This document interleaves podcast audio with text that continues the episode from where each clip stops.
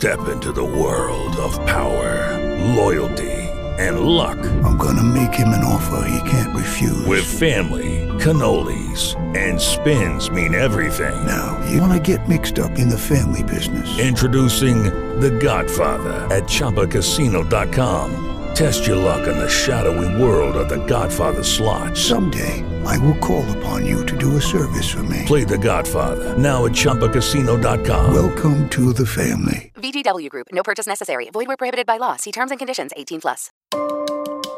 Drogowskazy. Bardzo się cieszę, że mogę po raz kolejny przywitać się z Wami w drogowskazach na antenie Eski Rock. Ja się nazywam Aleksandra Galant i mam nadzieję, że przed nami przynajmniej godzinne spotkanie. Jest takie słowo, które zwłaszcza w ostatnich miesiącach, myślę, że od lutego, a może nawet w ostatnich dwóch latach było odmieniane przez wszystkie przypadki, to jest słowo pomoc. Taka wielka fala związana z niesieniem pomocy pojawiła się, kiedy wybuchła pandemia, kiedy się okazało, że jednak nie radzimy sobie sami i konieczna jest jakaś taka jedność i solidarność. No, taka druga fala tej pomocy przyszła a propos równie fatalnego wydarzenia. Chodzi mi o inwazję wojsk rosyjskich w Ukrainie. Wtedy również wszyscy rzuciliśmy się na pomoc. Ale to, o czym ja mówię, to jest taka pomoc punktowa, która się pojawia i mam nadzieję, że trwa. Natomiast dotyczy konkretnych zdarzeń. Tymczasem ze mną w naszym radiowym studiu są ludzie, którzy udzielają pomocy tak po prostu i robią to zawsze, bez względu na okoliczności i okazje, a o tym, jaka to jest pomoc, komu jej udzielają i w ogóle dlaczego to robią, mam nadzieję, że powiedzą sami, a ja mam wielką przyjemność przedstawić i również przywitać się z Agnieszką i Mariuszem Kępką. Dzień dobry. Dzień dobry Dzień Państwu. dobry. To słowo się rzekło, będę prosiła o pomoc w wyjaśnieniu tego, czym się zajmujecie, a co zaczęło się już ile? 11 lat wstecz? Zgadza się. No, pomysłodawcą, co tu dużo mówić, jest mój mąż, który poszukiwał sposobów realizacji swoich marzeń i planów, żeby pomagać ludziom, ale w jaki sposób? No i długo siedzieliśmy, gadaliśmy, jesteśmy z Pragi, rozejrzeliśmy się wokoło, no i okazało się, że to, co możemy zrobić, to na czym się znamy, to jest po prostu gotowanie i rozdawanie jedzenia. Pierwsza taka nasza rozmowa, którą sobie tak przeprowadziliśmy w domu, doszliśmy do wniosku, że e, no tak, no chcemy gotować jedzenie dla osób takich potrzebujących, no ale trzeba gdzieś ich znaleźć, jakoś się w ogóle zorientować, jak to zrobić, żeby to logistycznie jakoś ułożyć sobie, choć też nie planowaliśmy od razu gotować jakoś dużo tych obiadów. Ugotowaliśmy za pierwszym razem 8 porcji. Dzień wcześniej, czy tydzień wcześniej byliśmy na dworcu wschodnim zobaczyć, co tam się dzieje. Spotkaliśmy osoby, które mieszkały na tym dworcu, powiedzieliśmy, że będziemy z tymi posiłkami. No i tak się zaczęło. To było 11 lat temu. We wrześniu będzie 11 lat, dokładnie. Kiedy się upewniliśmy, że, że damy radę to pociągnąć sami, bo nawet nikomu się nie przyznaliśmy. Y, Ugotowaliśmy w tajemnicy, nikomu się nie chwaląc, sprawdzając najpierw, czy pociągniemy to dłużej niż miesiąc, kiedy mija ten pierwszy, te pierwsze emocje, pierwsze oszołomienie i duma z siebie, że się udało, że z, od słów przeszliśmy do czynów i dopiero tak, nie wiem, pół roku rozdawaliśmy, jak się w ogóle przyznaliśmy do tego. No niemniej jednak jak usiedliśmy i zaczęliśmy się zastanawiać, jak to w ogóle ugryźć, no tak, hum- humorystycznie przytaczam tutaj nasze takie żarciki na potrzeby domowe, no co najważniejsze, żeby jak gotujemy dla ludzi, to co jest najważniejsze? No to co? No po pierwsze nie zatruć, tak? No to oczywiście żarcik. Bardzo nam zależało, żeby te posiłki były takie od serca i takie, żeby każdy, kto zje, to żeby mm, moja babcia taką mizerię robiła, albo mm, moja mama takie te ziemniaczki pire. No, żeby ci ludzie mieli przez chwilkę takie bardzo, bardzo miłe skojarzenia. Oprócz tego, że przychodzą i dostaną porcję, to jeszcze w czasie jedzenia, żeby im po prostu było miło. Więc postanowiliśmy, że dołożymy wszelkich starań, żeby to jedzenie było naprawdę na wysokim poziomie i gotowane z sercem, nie żałując na przyprawy, na urozmaicenie, oczywiście na odpowiednie zbilansowanie, ponieważ jesteśmy wegetarianami, w porywach weganami, ale duży nacisk kładziemy, żeby nasze posiłki były czysto wegańskie i to się nam udaje. Pomyślałam sobie właśnie o tej diecie wegańskiej, a propos tego, co mówiłaś o tej domowej, babcinej kuchni, że to jest dopiero chyba nie lada wyzwanie. Zaproponować komuś posiłek, który przenosi w te czasy dzieciństwa, no mając do dyspozycji same rośliny. Tak, pierwsze posiłki składały się z ziemniaczków tłuczonych, kotlecika z fasoli, tudzież soczewicy, dobrze doprawiony, mocno przypomina kotlet mielony. No do tego mizeria, groszek z marchewką, no to każdemu się to dobrze kojarzy. Cebulka podsmażona na to wszystko, no podopieczni byli zachwyceni w tamtym czasie. No i my staramy się to podtrzymywać. To też było bardzo ważne, żeby te posiłki było gotowane tego od serca. I do tej pory staramy się to w Norbu robić, żeby te dania wyglądały dobrze, żeby to nie było breja rzucona komuś do miski. Jakoś tak sobie ułożyłem życie zawodowe że w pewnym momencie pracowałem w restauracjach takich wegańskich i się po prostu od moich kolegów nauczyłem gotować. Pracowałem jako pomocnik, jako kucharz i no, staramy się trzymać poziom zawsze od tych 11 lat. Wiadomo, my to robimy nie na jakąś mega skalę, tych posiłków nie ma, nie wiem, tysiąc dziennie.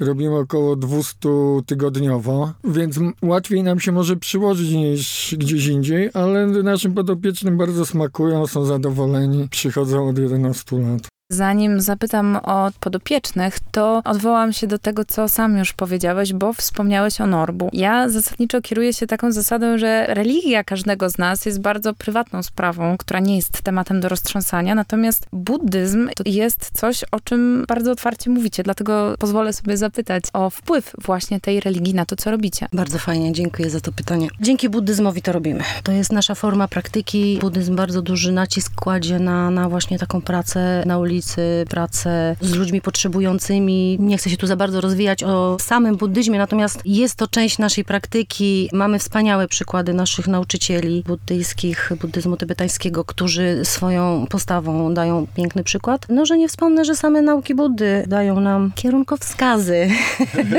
drogowskazy, w którą stronę iść i my stwierdziliśmy, że naszą praktyką y, na tu i teraz jest praca na ulicy, praca z ludźmi, z dużym naciskiem na szacunek dla tych ludzi, kierujemy się współczuciem, ćwiczymy naszą cierpliwość, naszą tolerancję. Nie rozróżniamy w żaden sposób ludzi, którzy do nas przychodzą. Każdy, kto poprosi, dostanie pomoc. Pijany, naćpany, nie zawsze pełni władz umysłowych. No, mamy taką zasadę. Nakarmimy i napoimy każdego. Wydaje mi się, że jednym z filarów buddyzmu, jednym z najważniejszych założeń jest współczucie, ale to jest moje wrażenie, że samo słowo współczucie ma coś takiego, czegoś mi brakuje, jeżeli myślę o współczuciu i o tym, co robicie, bo to chyba nie jest współczucie, tylko takie współodczuwanie. Tu nie chodzi o takie współczucie. No, po prostu no, jakby w polskim języku nie ma takiego słowa jeden do jednego, żeby to przetłumaczyć. Tak najbliższe jest jakby współczucie. W buddyzmie nie chodzi o to, tylko chodzi o to, żeby rozwinąć w sobie taką postawę, że podchodzimy do innych jak, nie wiem, do swojej matki, ojca, dzieci tak nauki mówią, że w przeszłości, wierząc w karmę i odradzanie się, każda istota była kiedyś naszą matką. Wiem, trudno to zrozumieć i objąć to intelektualnie. Natomiast z każdą osobą kiedyś gdzieś mieliśmy jakiś związek. Różny, różne konfiguracje, ale gdzieś z każdą istotą czujemy, a przynajmniej staramy się wypracować sobie taki kontakt, związek. Tu też chodzi o to, żeby to właśnie było takie podejście pozbawione tego dualizmu. Po prostu takie, że stawiamy czyjeś szczęście ponad swoje, tak? Chcemy komuś pomóc. Głównie Głównie chodzi o empatię. To jest chyba najlepsze słowo i to, co jego świętobliwość Dalai Lama przy każdej okazji powtarza, taka pierwotne człowieczeństwo, że jak idziemy ulicą, widzimy, że człowiek leży, to się nim interesujemy. Naturalny sposób odruch pierwszy pomóc, a przynajmniej zapytać, czy ktoś potrzebuje pomocy i staramy sobie to rozwijać. Do tego namawiamy naszych współpomagaczy. Nie przypadam do słowa wolontariusz, są to po prostu nasi przyjaciele, którzy niekoniecznie są buddystami, ale lubią to podejście nasze bez tego kontekstu religijnego, bo absolutnie odcinamy się od jakiegoś nawracania, tu w ogóle nie chodzi o to. Też nie mówimy o naszym buddyzmie, naszym podopiecznym, chyba, że się ktoś nas zapyta, z jakiego kościoła jesteśmy. No bo to jest najszybsze skojarzenie. Wtedy mówimy mówimy, ale absolutnie nie jest to w żaden sposób decydujące, że ktoś nas zaakceptuje jako buddystów, czy nie. Po prostu jesteśmy jacy jesteśmy i dajemy to, co Buddha nauczał, co wiemy, że to jest właściwe. Mam takie pytanie, e, ono absolutnie nie jest prowokacyjne, ono raczej jest oparte na tym, co obserwowałam, co wszyscy obserwowaliśmy w kontekście przywołanej już przeze mnie wojny w Ukrainie, że po tej fali po prostu zabrakło trochę sił. Sił, możliwości. Oczywiście ta pomoc jest kontynuowana, ale już nie w takiej skali. I chciałam zapytać o was wasze siły? Czy to jest coś niewyczerpanego w tym kierunku, czy też czasem macie momenty, że po prostu jesteście zmęczeni, śpiący? Jest tak, że posiłki rozdajemy w jednym miejscu przy dworcu wschodnim, więc mamy to bardzo wszystko dobrze zorganizowane, bo już robimy to od tylu lat. Pewnie, że przychodzi zmęczenie. No. Każdy jest człowiekiem. Też już nie jestśmy, nie wiem, dwudziestolatkami. Się rano wstanie, tu boli, tam boli ale robimy to dwa razy w tygodniu. W soboty i w niedzielę gotujemy te posiłki, więc to też jakby są rzeczy też dookoła tego, które trzeba załatwić, warzywa, zakupy, ale nigdy jakoś nie było tak, że nas to przytłoczyło. Ja się bardziej martwię, że ja nie będę miał pieniędzy na warzywa i za co gotować za jakiś czas, niż to, że, że, że mi się nie chce. Poza tym my jako buddyści wierzymy, że no wszystko ma gdzieś tam swój koniec, wszystko się zmienia nieustająco, więc też od początku wiedzieliśmy, że przyjdzie taki moment, że nie, nie będziemy mieli siły, że już nie będzie takiej Euforii. takiej euforii, tego czegoś nie, niesamowitego. Ale właśnie to jest moc, tak, że przetrzymaliśmy te momenty słabości i dlatego się właśnie, o czym wspomniałam wcześniej, nie, nie przyznawaliśmy przez pół roku, bo właśnie chcieliśmy to sprawdzić, czy przez te pół roku nie okaże się, że to był taki słomiany zapał i już nie mamy siły, nie mamy chęci. I to jest dla nas najważniejsze. Najważniejsza dla nas jest pomoc, która może nie jest rozległa, nie obejmuje tysiąca osób, natomiast która jest regularna. Na to nas jest można, bardzo ważne. Tak, Przerwałam ci, ale mówiłaś, że można na was liczyć. To jest chyba nie do I to jest bardzo, bardzo duży nacisk na to kładziemy, tak jak coś obiecujemy, to się staramy wywiązywać ze wszystkich sił. Jesteśmy regularnie, że ci ludzie mogą naprawdę, przepraszam, ostatni weekend zrobiliśmy sobie wolne, jeden weekend wakacji. Natomiast cała reszta y, roku, też poza niewielkimi wyjątkami, jesteśmy. I zawsze im powtarzamy, jesteśmy. Dlatego mówię, że największym osiągnięciem jest to, że dalej trwamy i robimy to, co żeśmy założyli na początku i udaje się to To się rozwija, no nie jest to może, że jest takie na hura, bo to już trwa 11 lat, ale tak jak mówię, zaczynaliśmy od 8 porcji raz w tygodniu, teraz wydajemy tych porcji 200, no oczywiście planujemy, żeby to działało 5 dni w tygodniu ta kuchnia. Moim takim marzeniem jest to, żeby po prostu osoby, które do nas przychodzą po te posiłki, jak już są w takiej trudnej sytuacji, przynajmniej odszedł im ten problem z jedzeniem, że się może skoncentrować na szukaniu pracy, innej pomocy i jakby się to udało zapewnić przynajmniej przez 5 dni w tygodniu, no to to jest duża ulga dla takich osób, tak? Bo to odchodzi coś z głowy. ciężar z głowy. O pomocy i o wsparciu dla osób, które najbardziej jej potrzebują, rozmawiam z Agnieszką i Mariuszem Kępką, którzy od kilkunastu, jedenastu, prawda? Którzy od 11 lat służą wsparciem osobom potrzebującym na dworcu wschodnim w Warszawie i po prostu dla nich gotują. Ten wątek rozwiniemy już za moment, po krótkiej przerwie w drugiej części naszego spotkania. Także mam nadzieję do usłyszenia w drogowskazach na antenie Eski Rock. Aleksandra Galant. Drogowskazy. Rozmowy o życiu.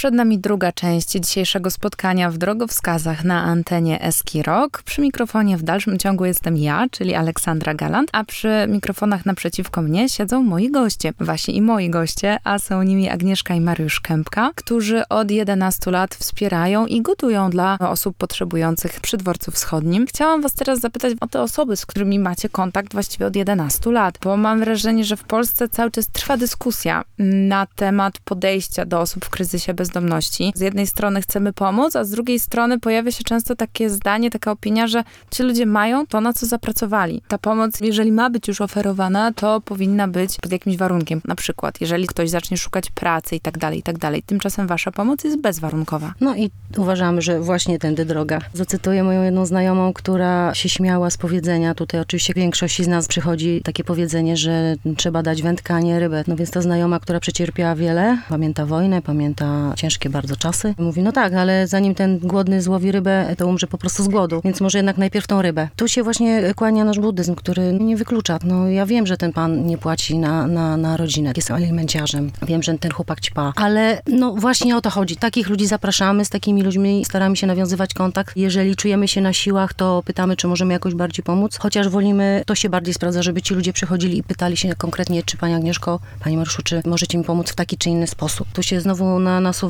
takie słowo rozdawnictwo, co też się z tym nie zgadzam, bo są, są ludzie w potrzebie, trzeba pomóc na wszelakie sposoby, bez rozróżniania. No, jeżeli mnie nie stać na to, żeby kogoś we, wesprzeć finansowo, no to przynajmniej dobrym słowem. I tutaj też często przez to, że staramy się podchodzić uprzejmie, z pełnym szacunkiem do tych ludzi, to oprócz tego, że znajdują miskę z jedzeniem przysłowiową, to też mogą, mogą chwilkę pogadać i być wysłuchanym, co też jest ważne. Dzięki temu udało się pomóc kilku ku osobom, którzy podeszli, poprosili o pomoc. Teraz osób, które były w potrzebie, są z nami po naszej stronie stołu i rozdają jedzenie innym, pomagają nam w zakupach. Nawiązaliśmy takie bliższe relacje z tymi ludźmi, bo się okazało, że można na inne sposoby pomóc, chociażby pójść z ich pieskiem do weterynarza. My chcemy tak rozdawać to. My naprawdę nie rozróżniamy i nie uważamy, że komuś się ta pomoc nie należy. Nie będę mówić, że zawsze i każdemu pomagamy, bo są sytuacje, kiedy no, wycofujemy się i, i oczekujemy pewnych zachowań, chociażby po prostu w kulturalny sposób się zachować w kolejce, stojąc po posiłek. I to jest jedyny y, rodzaj, kiedy możemy komuś podziękować za współpracę, ale to wynika z tego, że to jest z troski o resztę ludzi, jeżeli ktoś jest na przykład agresywny, ktoś jest pod wpływem narkotyków. Mamy w swoich szeregach wspaniałych chłopaków, którzy jak coś to staną piersią osłonią. To są jedyne sytuacje, kiedy wycofujemy się z, z pomagania, ale zawsze zostawiam takie otwarte zdanie, słuchaj, zrób ze sobą coś i wracaj do nas. Jak będziesz trzeźwy, zapraszamy serdecznie, ale teraz jesteś agresywny i teraz nie chcę, żeby się tu inni bali, nie? Bo tym ludziom ostatnia rzecz, co jest potrzebne, to żeby się bać jeszcze w czasie pobierania posiłku i stania w kolejce. Generalnie panuje takie jakieś XIX-wieczne myślenie, że bezdomnym to się zostaje, bo się chce. No nie wiem, no, w naszych warunkach atmosferycznych, jak jest minus 15 na dworzu, posiedzieć w mokrych butach na dworzu przez godzinę, to każdy zrozumie, że się nie zostaje bezdomnym, bo się ma takie kaprycho. To pokutuje. Ja kiedyś byłem świadkiem rozmowy urzędników warszawskich i to panów radnych, którzy po prostu nie jeszcze żyją w tych realiach. Jakby nie zauważają tego, że tak naprawdę od bezdomności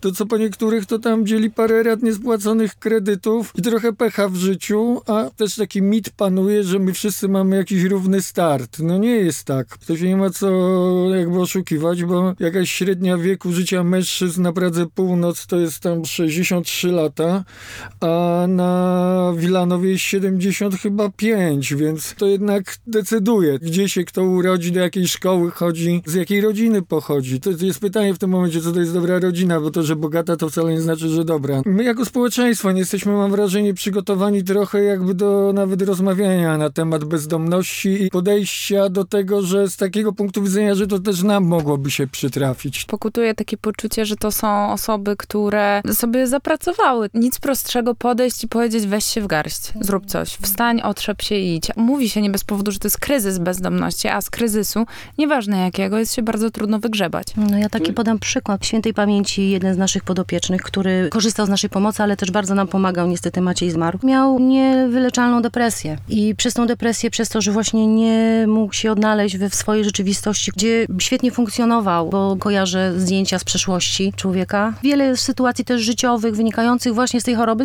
spowodowało to, że człowiek trafił na ulicę. No. Takich historii jest No, dużo. Ludzi, którzy, tak jak powiedziałaś, trafili na ulicę. No tak się stało. To wszystko tak wygląda, tak? Bo to jest pracodawca, który nie zapłacił. No więc właśnie. Część jakby społeczeństwa żyje z miesiąca na miesiąc z tego, co zarabia i w tym momencie, jak jego ktoś oszukał na pieniądze, to on ląduje na ulicy po prostu, bo nie zapłaciłeś, no to idź sobie. I to tak wygląda często, gęsto rzeczywistość. To się nie dzieje jakoś tak w niektórych przypadkach dzieje się to nagle. Stopniowa degeneracja gdzieś następuje. Proces to jest. Mi się wydaje, że jakby w ten proces wcześniej ktoś wszedł, w sensie urzędnik jakiś, czy no nie mówię urzędnik, może jakaś pomoc społeczna, to dałoby się to wcześniej zatrzymać. Bo to często gęsto jest tak, ktoś ma depresję, przestaje pracować, i też nie ma na rachunki i też ląduje na ulicy. Wszystko się kręci. Ja tak mówię o tej depresji, bo ja sam cierpię na depresję. Ja widzę, że to są po prostu niezdiagnozowane osoby często gęsto w ogóle, którzy nawet ze służbą zdrowia nie mieli nic wspólnego. Wydaje mi się, że jeżeli dotrze się do jakiegoś takiego punktu,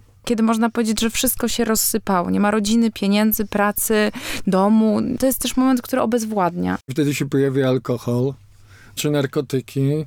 To, to wystarczy spojrzeć, ile jest tych sklepów monopolowych i jakie jest przyzwolenie na pijaństwo i to takie wręcz można powiedzieć od najmłodszych lat. Ja się też urodziłem, wychowałem w rodzinie alkoholików. Mówię to z mojego doświadczenia jakby gdzieś, bo ten alkohol przez całe życie gdzieś tam mi w życiu towarzyszył. I te osoby lądują na ulicy, piją, no bo co one mają robić? Ja dopiero sobie zdałem sprawę, jak kiedyś z takim Adamem porozmawiałem i on mówi, że jak on gdzieś tam śpi po jakichś klatkach schodowych, czy gdzieś tam po parkach, to jak on jest trzeźwy, to nie zaśnie. Jak się upije, to zaśnie. Więc wszystko się zaczyna kręcić wtedy dookoła tego alkoholu. Poza tym to też jest jakiś taki wypełniacz czasów, Poza tym... Też no, na ulicy załatwia wiele spraw. Masz alkohol, możesz sobie coś tam załatwić przy pomocy alkoholu kupionego gdzieś na mecie. To są jakieś relacje też między nimi, co są też budowane, co, co są na tym oparte. To jest bardzo skomplikowany problem, bo my w spojrzeniu na osoby w kryzysie bezdomności mam wrażenie, że naprawdę zostaliśmy gdzieś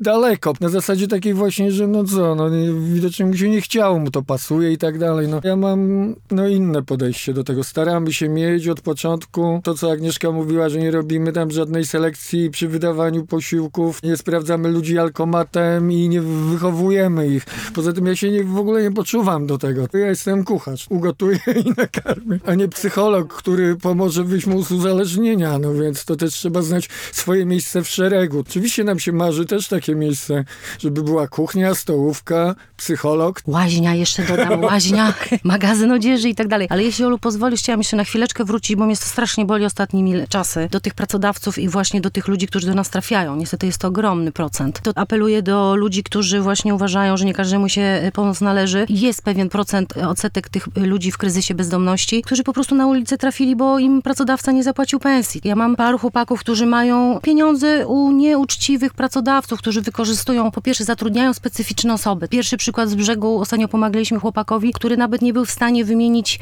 nazwiska tego pracodawcy. Został szukany oczywiście przez niego. Nie był w stanie opisać, gdzie pracował dokładnie, bo mocno zdegenerowany chłopak przesiedział parę lat w więzieniu. Alkohol oczywiście i narkotyki zrobiły swoje. Pracodawcy wykorzystują pewną nieudolność intelektualną, życiową, po to, żeby potem tym ludziom nie płacić. I ci ludzie potem przychodzą do nas, tak, Pani Agnieszko, niech Pani ratuje. Gdzie pracowałeś? No nie wiem. Masz jakiś telefon? No nie wiem. Mamy pewne sposoby, żeby dotrzeć do takich pracodawców, ale ci ludzie nawet nie są w stanie zadbać o takie podstawowe swoje bezpieczeństwo. On się nawet nie spytał umowę o Tak. pracę, bo to często gęsto też jest tak, że to są osoby zadłużone, więc oni pracują na czarno, bo, Bo komornik zaraz komornik. wejdzie. Oni nie mają z czego żyć i to jest takie, Jakaś takie sieć perpetuum, zależności, tak. perpetuum mobile się takie nakręca, że ktoś jemu nie płaci, on nie pójdzie, bo umowy nie ma, tak, o pracę i to wszystko po prostu się tego. To ja jeszcze coś powiem a propos tego, że ci ludzie sobie zasłużyli na co mają i że nie należy im pomagać. Nie ma takich przypadków wiele. Natomiast trafiają do nas osoby, którym daliśmy szansę właśnie dzięki temu, że nie rozróżnialiśmy, nie, nie selekcjonowaliśmy, którzy przyszli i powiedzieli, Agnieszko, nie, nie, ja dzisiaj nie przyszedłem na obiad. Ja ci przyszedłem podziękować. Teraz się wzruszę, zawsze się w tym momencie wzruszam. Ale nawet ostatnio spotkaliśmy takiego chłopaka i tak patrzę, wychodzi ze sklepu, fajny chłopak, tak krzywizna nosa podobna, ale reszta nie pasuje, nie? No to się jeszcze raz oglądam i widzę już uśmiech u Pawła i pamiętam, jak przed podbitym okiem, w tragicznej sytuacji, niezapłacone kilka miesięcy przez pracodawcę, Pani Agnieszko ratuj. Załatwiliśmy telefon, co też jest ważną rzeczą dla tych ludzi w starcie i odbiciu się od dna. I chłopak przyszedł pożegnać się, Agnieszko, y, dzisiaj przyszliśmy się pożegnać, jedziemy do pracy, mam gdzie mieszkać, po to się żyje. Nie wiem, jak na to zapatruje się buddyzm, jak wygląda ta kwestia, ale z mojej perspektywy to, co robicie w wielu przypadkach, to jest też dawanie drugiej szansy. Nie wiem, czy to jest też wpisane w tę religię, czy to jest po prostu wpisane w was jako ludzi. My wierzymy w coś takiego jak przemijalność, że wszystko przemija. Ludzie się też zmieniają. Często, gęsto wystarczy komuś dać szansę. I, I wychodzić z tego. Wiadomo, że nie każdy, nie każdy ma taką siłę, nie każdemu jesteśmy my sami w stanie pomóc, ale jakby no jak najbardziej. Nie ma osób Poza tym, no, wokół nas jest sporo tych naszych przyjaciół wspaniałych, którzy sami sobą też reprezentują w pewnym momencie, że ktoś im dał szansę. I i w tej chwili aż miło popatrzeć, jak ci panowie, ci faceci, ci świetni kolesie po przejściach na długich turnusach, kto wie, to wie, o czym mówię, zaczynają się zajmować ludźmi w podobnej sytuacji, gdzie oni pamiętają, oni wiedzą, o czym mówią, rozmawiają, jeżdżą do poprawczaków i tak dalej. Każdemu warto dać szansę. Może dlatego, że pewne rzeczy są za nami. W życiu żeśmy przeżyli trochę i, i różnie bywało, tak ogólnie określę, to też łatwiej nam jest zrozumieć tych ludzi, którym się nie udało. Łatwiej nam to zaakceptować, powiedzieć, oczywiście każdy ma szansę zbłądzić, my ci podamy rękę, jeżeli z tego skorzystasz, bardzo proszę serdecznie zapraszamy. To jest może moment, żeby wrócić do tego, co ty powiedziałaś, że kilka tych historii ludzkich trochę się zapętliło i ludzie, którym pomogliście, teraz pomagają innym, że są z wami i na tyle stanęli na nogi, że są w stanie dołączyć do was w tym niesieniu pomocy. Wspaniała historia, to z tego jesteśmy ogromnie dumni. Mogę pozdrowić kogoś? Oczywiście. To pozdrawiam panią Danusię i Kamila Udało się tej rodzinie pomóc. Naprawdę obserwujemy na naszych oczach i na oczach naszych przyjaciół, którzy absolutnie to nie jest tylko nasza zasługa, tylko zasługa naszych przyjaciół, którzy a tu stówkę ktoś rzucił, a tu ktoś pomógł w tym, a tu ktoś pomógł wypełnić dokumenty, a tu ktoś zaproponował, do jakiego prawnika się udać i się okazało, że udało się zmienić życie właśnie tych naszych podopiecznych. Z nory zapluskwionej, zakaraluszonej znaleźli się w nowym mieszkaniu, w nowych okolicznościach przyrody, z nowym gronem przyjaciół, którzy ich rozumieją, którzy ich wspierają. Ja byłam na wakacjach właśnie z Kamilem, pierwszych od wielu, wielu lat. Chłopak ma 28 lat. Drugi raz był w życiu e, nad Pierwszy, morzem. pierwszy raz jak był chyba dziesięciolatkiem czy coś takiego. Tak, nigdy nie było na to czasu. Pięknie skorzystali z naszej tej pomocy. Nie jest absolutnie tak, że wiszą na nas, że to wszystko od nas. Absolutnie nie. Wystarczyło im podać rękę, podstawić kolejny stopień w tych schodkach i się okazało, że wspaniale odnaleźli się w nowej rzeczywistości i aż, aż miło popatrzeć. Właśnie dzięki temu, że daliśmy szansę, że zaufaliśmy, że pomogliśmy w, w kilku aspektach, a teraz możemy powiedzieć, że tworzymy jakąś wspólną rodzinę i tak się dzieje też z, z kilkoma tymi osobami. Może nie ze wszystkimi wchodzimy tak głęboko w relacje. Tutaj było wyją- wyjątek, może przez to, że urzekło nas najpierw ten ich piesek, od którego się zaczęło. Ten, którego zaprowadziliście do weterynarza? Tak jest, tak jest i też tu pan weterynarz wspaniale nam pomógł. Też parę razy kazał schować portfel z powrotem do kieszeni. Mnie się wydaje, że to jest dobry moment, żeby tutaj e, skończyć tę część naszej rozmowy. Również dlatego, że wszyscy się uśmiechamy i również dlatego, że to jest piękny akcent, a ja nie ukrywam, że lubię jakimiś takimi ładnymi, dobrymi historiami się żegnać ze słuchaczami, ale żegnamy się tylko na moment, bo przed nami jest jeszcze jedna trzecia dzisiaj część naszego spotkania. Waszymi moimi gośćmi są Agnieszka i Mariusz Kępka. Osoby, które pomagają, no same powiedziały, że o to chodzi w życiu, o to, żeby pomagać, dawać drugą szansę. Oni to już od kilkunastu lat robią i dzisiaj dzielą się z nami swoją historią. A za moment porozmawiamy właśnie o tych, bez których być może tego wszystkiego by nie było, którzy wspierają, pomagają, którzy mają dobre serca i dobrą wolę i których, jak podejrzewam, cały czas może być więcej. Ale o tym wszystkim, kiedy drogowskazy wrócą na antenę Eski Rock. Do usłyszenia, Aleksandra Galant. Drogowskazy. Rozmowy o życiu. Czas na finał dzisiejszego spotkania w drogowskazach na antenie Eski Rock. Ja się nazywam Aleksandra Galant i w dalszym ciągu mam wielką przyjemność gościć w naszym radiowym studiu Agnieszkę i Mariusza Kępkę, którzy opowiadają o niesieniu pomocy. Pomocy, która trwa kilkanaście lat. Objawia się innymi tym, że zanoszą na dworzec wschodni posiłki osobom potrzebującym. Tak jak zaczęłam naszą rozmowę od pomocy, tak przy okazji na przykład y, wojny w Ukrainie, psychologowie zwracali uwagę, że trzeba zawsze pamiętać, żeby zadbać o siebie. No, stewardesy w samolotach też zawsze powtarzają, że zanim komuś pomożesz, pomóż sobie, zadbaj o swoje bezpieczeństwo. Jak to z taką pomocą, myśmy sobie w przerwie między częściami naszej rozmowy powiedzieli, taką grubą skórą, jak to z tym jest, żeby pamiętać o sobie i o swoim życiu. Troszkę doświadczenia wyniosłam z innej fundacji, w której pracowałam parę ładnych lat. Powiem tak zagadkowo, fundacja, której e, wolontariusze nas zakładają czerwone noski, przebierają się w kolorowe ciuchy i biegają po szpitalach. Pozdrawiam serdecznie. I, i widziałam, jak biegam po tych szpitalach pełna uśmiechu i zadowolenia i takiej mega satysfakcji. Mój mąż Mariusz się przyglądał i troszkę miałam wrażenie z zazdrością i w którymś momencie powiedział, wiesz, ja też bym tak chciał, ja bym też tak coś chciał. No i właśnie tutaj się pojawił pomysł, że może to kochanie, teraz ty coś dla ciebie wymyślimy. No i powstał wtedy właśnie ten pomysł, że, że karmienie, potem pojawiła się nasza nazwa, Gdziung Norbu. Ja powolutku wycofałam się już z doktora Klauna i potem wspólnie już y, zaczęliśmy ciągnąć dalej Gdziung Norbu, ale do czego zmierzam, że fundacji wyciągnęłam no, pewne doświadczenia, jak też trzeba o siebie dbać, pomagając innym, żeby no, nie zatonąć we własnych łzach. Jesteśmy wrażliwcami, nie ukrywamy tutaj z mężem, więc łatwo było o łzy i, i wzruszenie. Natomiast trzeba było też właśnie zadbać, żeby to nie przykryło i nie odebrało siły. No może zbyt dużo czasu na to nie poświęcamy, na ten nasz wypoczynek, bo zdarza się to raz w roku, y, w wakacje, jeden weekend poświęcamy na odpoczynek.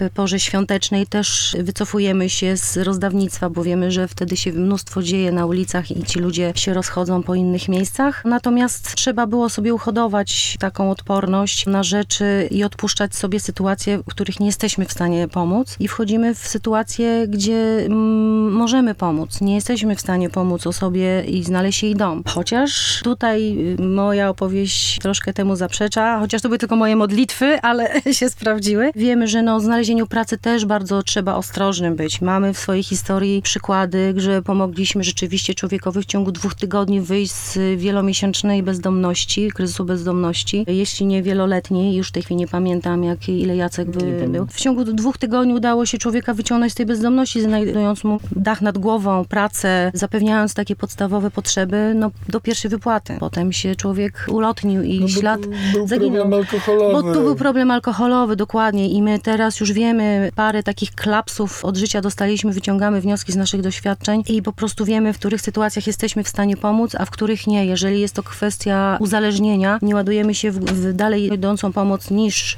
danie posiłku, ewentualnie przekierowanie do specjalistów, natomiast no, nie wchodzimy w głębsze relacje, bo mamy świadomość naszej niemożności, naszej ułomności. My możemy nakarmić i przekierować, ewentualnie posłać do kogoś innego i dzięki temu też unikamy pewnych wpadek i właśnie tego, że sytuacje nas przerastają. Nie? Ale z tą grubą skórą to też bym tak nie przesadzał, bo to jak człowiek będzie miał taką za grubą skórę, to nic nie zrobi. Trzeba do, Wypośrodkować. wypośrodkować, droga środka. Za bardzo wrażliwy to będzie siedział i płakał. Za gruboskórny to nic nie zrobi. Więc trzeba trochę tego, trochę tego. I jakoś 11 lat dał radę. 11 lat dało radę, ale sami też wspominaliście, że dołączają do was znajomi, osoby chętne do pomocy i to nie zawsze są osoby, które związane są z wami religią. To są osoby, które łączy to, że nie chcą być bezczynne. Dokładnie. Przy tych pierwszych naszych zamierzeniach, założeniach, co nasze Gediung Norbu ma, ma dawać, to też pojawił się taki element, że możemy być taką lokomotywą, pod którą się mogą podpiąć osoby, wagoniki, które chętnie pomogą, ale nie mają na tyle mocy, nie mają na tyle odwagi, żeby zrobić to samemu, żeby pójść w ten tłum ludzi na dworcu i po prostu dać tą porcję, odważyć się, żeby zagadać w ogóle. I rzeczywiście to się spełnia na naszych oczach. Jesteśmy też z tego powodu bardzo, bardzo szczęśliwi. Pojawiają się ludzie, często gęsto z naszego środowiska, z naszych gdzieś y, okolic przyjacielsko-koleżeńskich. Często są to ludzie o podobnych zapatrywaniach, ale też często są to ludzie zupełnie z innej bajki. Y, Buddystów y, jest trochę, natomiast sporo jest najróżniejszej maści wspaniałych ludzi, poszukujących, mających jakąś swoją drogę, natomiast doceniający fakt, że właśnie my działamy bez rozróżniania, że mamy takie założenia, a nie inne. Nie mamy specjalnie potrzeby pchania się na afisz. Bardziej jesteśmy zainteresowani tą pracą oddolną, pracą od podstaw, dochodzeniu do tych naprawdę najbiedniejszych, do tych najbardziej odrzuconych. I, I to doceniają ci ludzie, którzy przychodzą, odchodzą. To jest tak falami. Jest taki trząs wspaniałych ludzi. Boję się wymieniać, zmieniać nazwiska, bo boję się, że kogokolwiek pominę, co y, by mi było bardzo przykro. W związku z tym ogólnie jest taki główny trzon. Są ludzie, którzy na przykład pojawiają się z dawnej przeszłości, nasi znajomi, przyjaciele, którzy nagle mówią, ej, kępki, co wy tam robicie, ja z wami też chcę to. No to zapraszamy serdecznie. I też jest sporo ludzi, którzy nas wspierają, nie, nie mogą być z nami fizycznie, mają różnego rodzaju inne plany, natomiast wspierają nas na różne inne sposoby, wiadomo jakie. Też doceniamy absolutnie taką pomoc, jest ona równie ważna. Też mamy świadomość, że nie każdy na przykład, który przyjdzie do nas do kuchni gotować, będzie miał na tyle odwagi i na tyle takiej siły, mocy, żeby podejść do tej osoby potrzebującej i my to rozumiemy. Mówimy osobiście, chcesz tylko gotować, nie chcesz iść na rozdawnictwo, nie ma problemu. Są osoby, które przychodzą tylko na rozdawnictwo pomagać, czyli rozdawanie tego jedzonka. Są osoby, które i gotują, uważają, że jak nie ugotują, to im głupio jest rozdawać to jedzenie,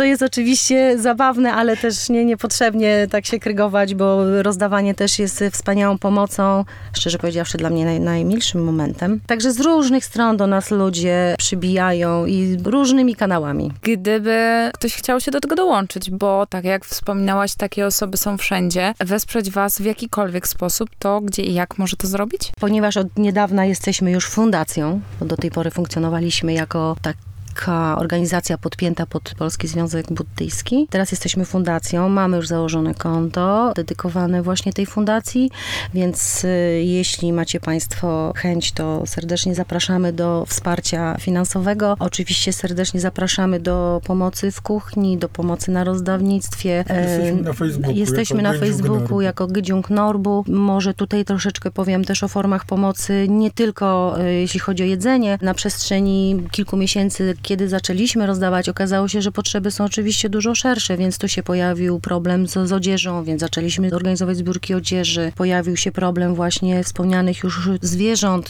Ci ludzie często mają zwierzątka, w związku z tym też i zbieramy albo karmę. Zdarzały się, że dostawaliśmy jedzenie od różnych organizacji, ale też i organizujemy zbiórki na przykład na jedzenie dla psów i kotów. Organizujemy czasem zbiórki kosmetyków. Jeżeli ktoś z Państwa ma magazyn kosmetyków w stylu trzy w jednym, żel, szampon, mydło do kąpieli. Też bardzo, bardzo chętnie przygarniemy. Bardzo poszukiwanym towarem są buty, kosmetyki, wiadomo. Każdy lubi czuć się czysto. Jest to ogromny problem dla tych ludzi na ulicy. Jest kilka miejsc w Warszawie, gdzie można korzystać z jakichś łaźni. Nie znam szczegółów, ale leży mi to gdzieś na sercu i tak w przyszłości marzę, że będę miała taką łaźnię, że będziemy mieli. To już kolejny raz mówicie o takich, pojawia się wątek takiego rozwijania tego wszystkiego, bo zaczynaliśmy, Mariusz wspominał o takiej zorganizowanej kuchni, po chwili się pojawiła potrzeba magazynu, łaźni. Widzę, że plany są duże. tak, co prawda z marzeniami nie wychodzimy zbyt naprzód, no bo nie ma co tam planować, jak nie wiadomo, co się jutro wydarzy. Natomiast y, musimy się czegoś trzymać i tak powolutku realizować. Jeżeli chodzi o osoby, które z nami nam pomagają, to to jest w ogóle niesamowita sytuacja, bo do mnie tak naprawdę dotarło, jakby tutaj jak działamy w Norbu przez te 11 lat, że człowiek sam to nic nie zrobi. Po prostu jesteśmy jak naczynie połączone. I to nie dotyczy tylko pomocy innym, ale generalnie jako społeczeństwo. Jeżeli my nie zauważymy tego, to cały czas będą właśnie takie rzeczy jak bezdomność dookoła nas. Nie widzimy tego, co nas scala, a raczej co nas od siebie oddala. A jakby dzięki Norbu i osobom, które pomagają nam, ja zauważyłem to na własne oczy, że razem jesteśmy w stanie ponad 60 tysięcy posiłków ugotowaliśmy. Pomimo różnicy poglądów politycznych. No, o religię się nie spieramy, bo to jest absolutna akceptacja i tolerancja i wzajemnie się dopytujemy o różne szczegóły naszych religii i ludzie się też nas pytają, o co chodzi w tym buddyzmie, jak to jest. To wtedy możemy coś poopowiadać, tylko wtedy nie, nie, nie agitujemy, nie, nie, nie możemy, wręcz mamy takie zobowiązanie, że my nie możemy agitować i tak dalej, ale jak ktoś już nas spyta, no to wtedy tak coś tam szepniemy. Nie, no, trzeba często to są bardzo fajne rozmowy, wręcz filozoficzne przy krojeniu warzyw cebuli. w kuchni. cebuli. No bo tych warzyw jest zawsze cała masa do pokrojenia. 30 kilo kartofli, 10 kilo pomidorów. Gotujemy na stu chłopa, więc jakby jest tego dużo zawsze. I jest naprawdę bardzo fajnie w tej kuchni. I to też jest właśnie to, co Agnieszka powiedziała, niesamowite, bo często gęsto się różnimy od siebie. Ale tu jest właśnie to, o czym właśnie wspominałem wcześniej, co mówi dalej Lama, że jest takie pierwotne człowieczeństwo w nas. Nie, nie jest ważna religia, nie wiem, kolor skóry, coś, jakieś takie drugorzędne głupoty, tylko spotykamy się na ile? No my spotykamy się o wpół do 11, wszystko się kończy o 17, już jest po wydanych posiłkach. I mam okazję zrobić coś dla innych, a tak naprawdę to dla siebie. Nie? No, to prawda. Dziękujemy tym ludziom po posiłku, po przyjściu na posiłek. My im dziękujemy za przyjście. Pani Gieszko, za co pani nam dziękuje? Ja mówię, no przecież dzięki temu, że wy jesteście, to ja mogę robić to, co robię. Wiem, że to dla niektórych zabrzmi absurdalnie, no ale tak jest. My dzięki tym ludziom biednym możemy też stać się lepszymi. Zapytam o to nie tylko dlatego, że jestem sroczką, która bardzo lubi błyskotki, bo na twojej szyi połyskuje bardzo charakterystyczna złota łuska. Syrenia łuska, tak mi się wydaje, że to o to chodzi, bo ta syrenia łuska nie tylko mi ładnie zabłyszczała, ale też e, jest takim chyba dowodem na to, że ten wasz trud, wasza praca też została zauważona trochę wyżej. Tak, bardzo to miłe było. Byłam trochę zaskoczona, ale rzeczywiście byłam nominowana do Warszawianki Roku. No, ciekawe przeżycie, miłe uczucie, że zostaliśmy docenieni, zwłaszcza działając w tak niszowym zakresie i tak w sumie no niespecjalnie rzucając się w oczy, tak raczej skupiając się na tym, żeby robić dobrze, co się robi. Tu się okazało, że kilku przyjaciół za plecami mnie zgłosiło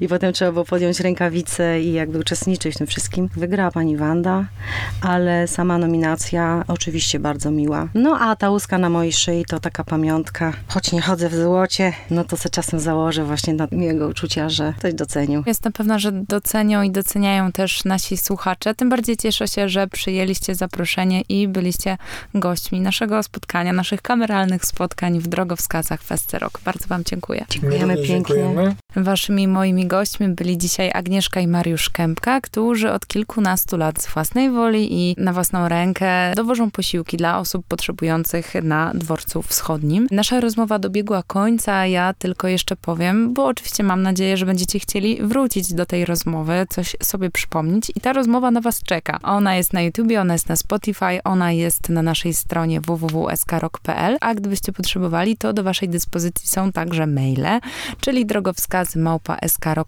oraz agalant małpa grupa zpr.pl. Z mojej strony jest to już wszystko, zresztą myślę, że bardzo dużo dzisiaj udało się powiedzieć i już wystarczy powiem tylko, że mam nadzieję, że słyszymy się już niedługo. Aleksandra Galant. Drogowskazy. Hello, it is Ryan, and we could all use an extra bright spot in our day, couldn't we? Just to make up for things like sitting in traffic, doing the dishes, counting your steps, you know, all the mundane stuff. That is why I'm such a big fan of Chumba Casino. Chumba Casino has all your favorite social casino style games that you can play for free anytime, anywhere with daily bonuses. That should brighten your day a little. Actually, a lot. So sign up now at chumbacasino.com. That's chumbacasino.com. No purchase necessary. Group. Void were prohibited by law. See terms and conditions. 18 plus.